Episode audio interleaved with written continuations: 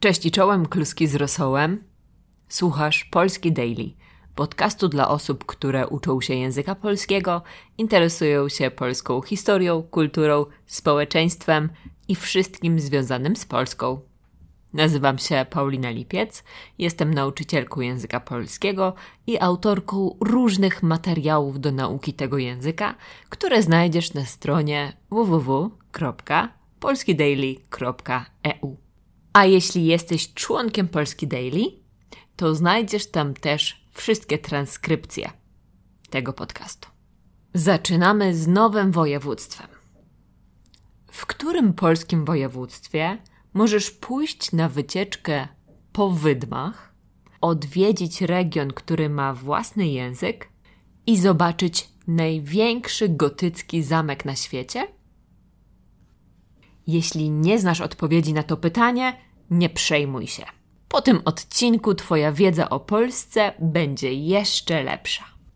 Dzisiaj opowiem Ci o województwie pomorskim, które prawdopodobnie znasz dzięki Trójmiastu, aglomeracji trzech miast Gdańska, Gdyni i Sopotu. Wiele osób uważa, że ten region Polski należał zawsze do Niemiec i dopiero po II wojnie światowej trafił do Polski ale tak naprawdę Pomorze do Polski włączył już Mieszko I w X wieku. To ten sam książę, który zdecydował się przyjąć chrześcijaństwo. W XIII wieku Duńczycy próbowali przejąć ten teren, ale im się to nie udało. W XIV wieku Brandenburczycy zajęli Słupsk i Pomorze Gdańskie. Polski król Władysław Łokietek, który nazywał się tak, bo był niski jak łokieć, poprosił krzyżaków, aby pomogli mu odzyskać Gdańsk. A oni chętnie pomogli. Wymordowali mieszkańców miasta, a po drodze odzyskane ziemie zabrali dla siebie. Konflikt z krzyżakami toczył się długo. W 1410 roku armia Władysława Jagiełły wygrała z nimi pod Grunwaldem. W Muzeum Narodowym w Warszawie możesz zobaczyć wielki obraz Jana Matejki, który przedstawia tę bitwę. Pomorze Gdańskie wróciło do Polski dopiero w 1466 roku. Od tamtej pory ten region stał się najbogatszym regionem Polski dzięki dostępowi do morza i handlowi zagranicznemu. Polacy znowu go stracili w czasie pierwszego rozbioru Polski w 1772 roku. Część terenów odzyskali po I wojnie światowej, ale całość dopiero po drugiej. Oto krótka historia Pomorza. A teraz trochę o tym, co tam można zobaczyć. Krzyżacy, o których do dzisiaj Polacy sporo wiedzą dzięki książce Henryka Sienkiewicza pod tytułem Krzyżacy, byli nie tylko dobrymi rycerzami, ale też budowniczymi. Kiedy zajęli tereny Pomorza, od razu zaczęli budować na nich zamki. Największy z nich jest w Malborku. Jest to też największy na świecie gotycki zamek. Rozciąga się aż na 18 hektarach. Budowano go prawie 200 lat. Bez problemu rozpoznasz go na zdjęciach, bo stoi nad wodą i jest zbudowany z czerwonej cegły.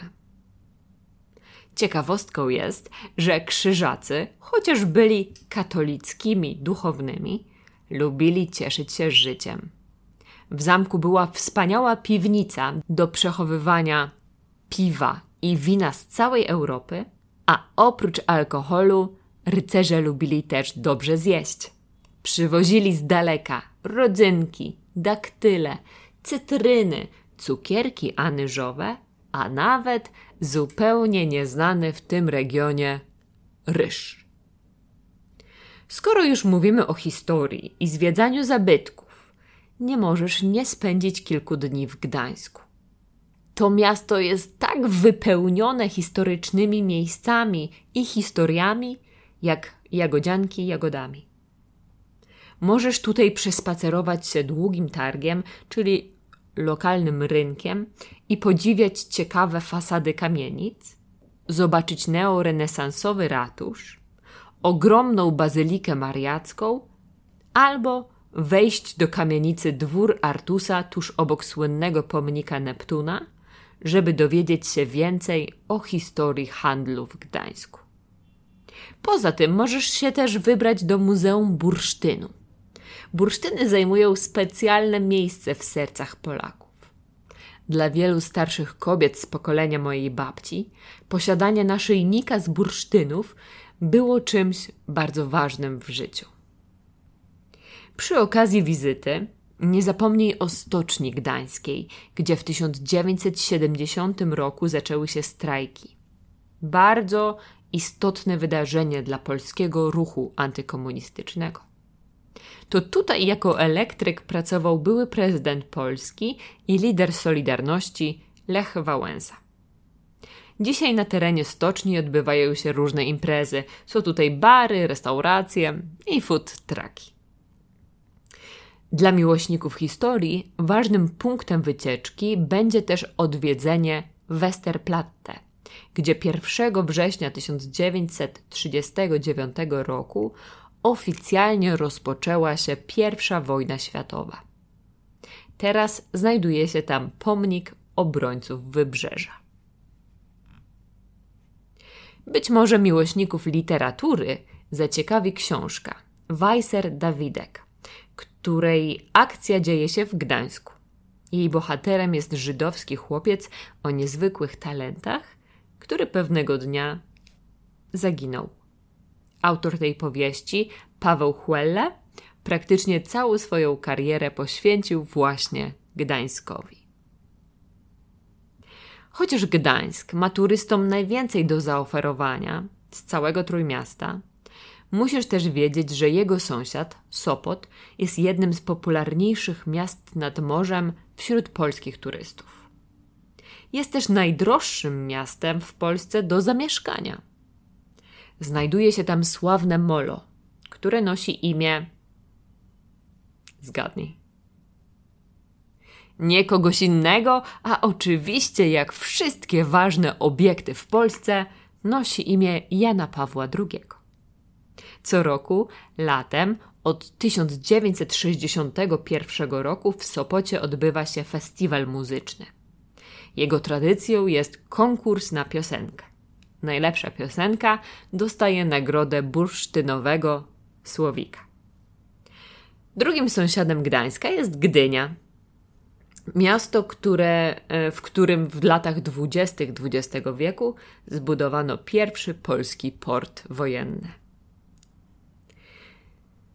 Województwo pomorskie jest też domem dla wyjątkowego parku narodowego. W Słowińskim Parku Narodowym znajdziesz wydmy. Tak, tak, takie wydmy jak na pustyni. Silny wiatr, który tutaj wieje, sprawia, że wydmy są w ciągłym ruchu. Park ma dobrze rozwiniętą infrastrukturę, więc można tutaj zanocować, wybrać się na wycieczkę pieszą e, z przewodnikiem albo na wycieczkę konną. Niestety nie mają tam wielbłądów. Na terenie tego parku mieszkała długo mniejszość etniczna Słowińców, którzy mówili głównie po niemiecku, ale po II wojnie światowej większość z nich wyjechała do Niemiec. Dzisiaj ich ciekawą architekturę możesz zobaczyć w lokalnym skansenie. Jeśli od piasku wolisz wodę i las, a do tego chcesz pojeździć rowerem, co ja zawsze polecam, co powiesz na bory tucholskie? Bór to słowo na gęsty las. W borach tucholskich rosną przede wszystkim sosny. Właściwie tylko sosny. Bramą do tego pięknego regionu są chojnice. Znajdziesz tutaj dwie długie trasy rowerowe, każda z nich ma ponad 100 kilometrów. Uważaj jednak i sprawdź prognozę pogody, bo ten las ma pecha. Dość często są tutaj wichury. W 2012 roku trąba powietrzna a tych w Polsce nie mamy zbyt dużo, zniszczyła część tego lasu. W województwie pomorskim znajdują się też Kaszuby. Region dość unikalny. Trójmiasto, Puck, Chmielno, Wejherowo. Cały ten zachód województwa od Helu aż po Bory Tucholskie to Kaszuby. Co jest tutaj takiego niezwykłego? Po pierwsze, Kaszubi mają swój język. Od 2005 roku kaszubski uznawany jest za osobny język i dzieci mogą uczyć się go w szkole. Niektórzy mówią, że kaszubski jest starszy od polskiego i zachowały się w nim stare słowiańskie słowa, których nie ma w polszczyźnie. Ale to nie jest udowodnione. Chociaż Polacy niezbyt dobrze rozumieją kaszubski, to niektóre słowa mają sens. Na przykład listopad to po kaszubsku smutan. Lalka to pupa, jak po niemiecku, a koszyk to cipka. Kaszubi mają dość mocną przynależność narodową. Czują się Polakami, ale tak samo czują się Kaszubami. Oprócz języka mają swoje inne niż polskie tradycje, zwyczaje, kuchnie czy ludowe stroje. Na przykład, na Wielkanoc Kaszubi nie malują pisanek, a na śmigusa dyngusa nie oblewają się wodą, jak w innych regionach. Zamiast tego dzieci ganiają się z gałązkami i biją się po nogach. W kaszubskiej kuchni znajdziesz też nietypową zupę. Nie jestem pewna, czy chciałabym jej spróbować. Zupa brzadowa to potrawa z suszonych owoców gruszek, jabłek, śliwek i wiśni. Podaje się ją, e, podaje się ją ze szczyptą soli, śmietaną i domowymi kluskami. A na wigilię do zupy brzadowej dodaje się też grzyby. Jeśli chcesz spróbować czegoś niewegetariańskiego, możesz zamówić szmurowany pomuchel, czyli dorsza zapiekanego w plastrach boczku. Dorsz to taka ryba. Na deser Kaszubi chętnie podają ruchanki, czyli takie smażone placki z konfiturą, albo kaszubski tort z fasoli z migdałami, z marmoladą i lukrem. Z Kaszub pochodzi wybitna polska aktorka Danuta Stenka. Jeśli jeszcze nie oglądaliście żadnego filmu z tą aktorką, to polecam Wam krótkometrażowy film Techno, który jest dostępny cały na YouTubie. Jeśli wybierzesz się nad polskie morze w czasie wakacji, nie spodziewaj się, że zaoszczędzisz. Ceny w Polsce są podobne do tych, co nad Morzem Śródziemnym. Trudno powiedzieć dlaczego. Być może wielu Polaków dalej nie lubi wyjeżdżać na wakacje za granicę i woli ryzykować urlop w deszczu i w tłumie turystów, którzy wstają o 5 rano, żeby zarezerwować swój kawałek plaży przy pomocy parawanu. Najlepiej zaplanuj tylko krótką wizytę na Helu, który jest długim, śmiesznym półwyspem, Śmiesznym, bo nazywa się Hel, ale też dlatego, że trochę nie ma sensu. Jest bardzo długi i bardzo wąski. Znajduje się tam miejscowość Chałupy, która jest znana z plaży nudystów. Chociaż ludzie opalają się na niej na golasa od lat 60., stała się fenomenem ogólnopolskim w latach 80., kiedy piosenkarz Zbigniew Wodecki nagrał piosenkę Chałupy Welcome to. I tą gołą informacją kończę ten odcinek. Jak zawsze na koniec zapraszam Cię do odwiedzenia mojej strony internetowej www.polskidaily.eu, gdzie możesz się zapisać i na przykład dostać dostęp do transkrypcji albo do nagrań lekcji, albo wziąć udział w naszych cotygodniowych lekcjach w niedzielę. To już koniec i bomba! Kto nie słuchał, ten trąba. Cześć! With the Lucky Land slots, you can get lucky just about anywhere. This is your captain speaking. Uh, we've got clear runway and the weather's fine, but we're just going to circle up here a while and uh, get lucky.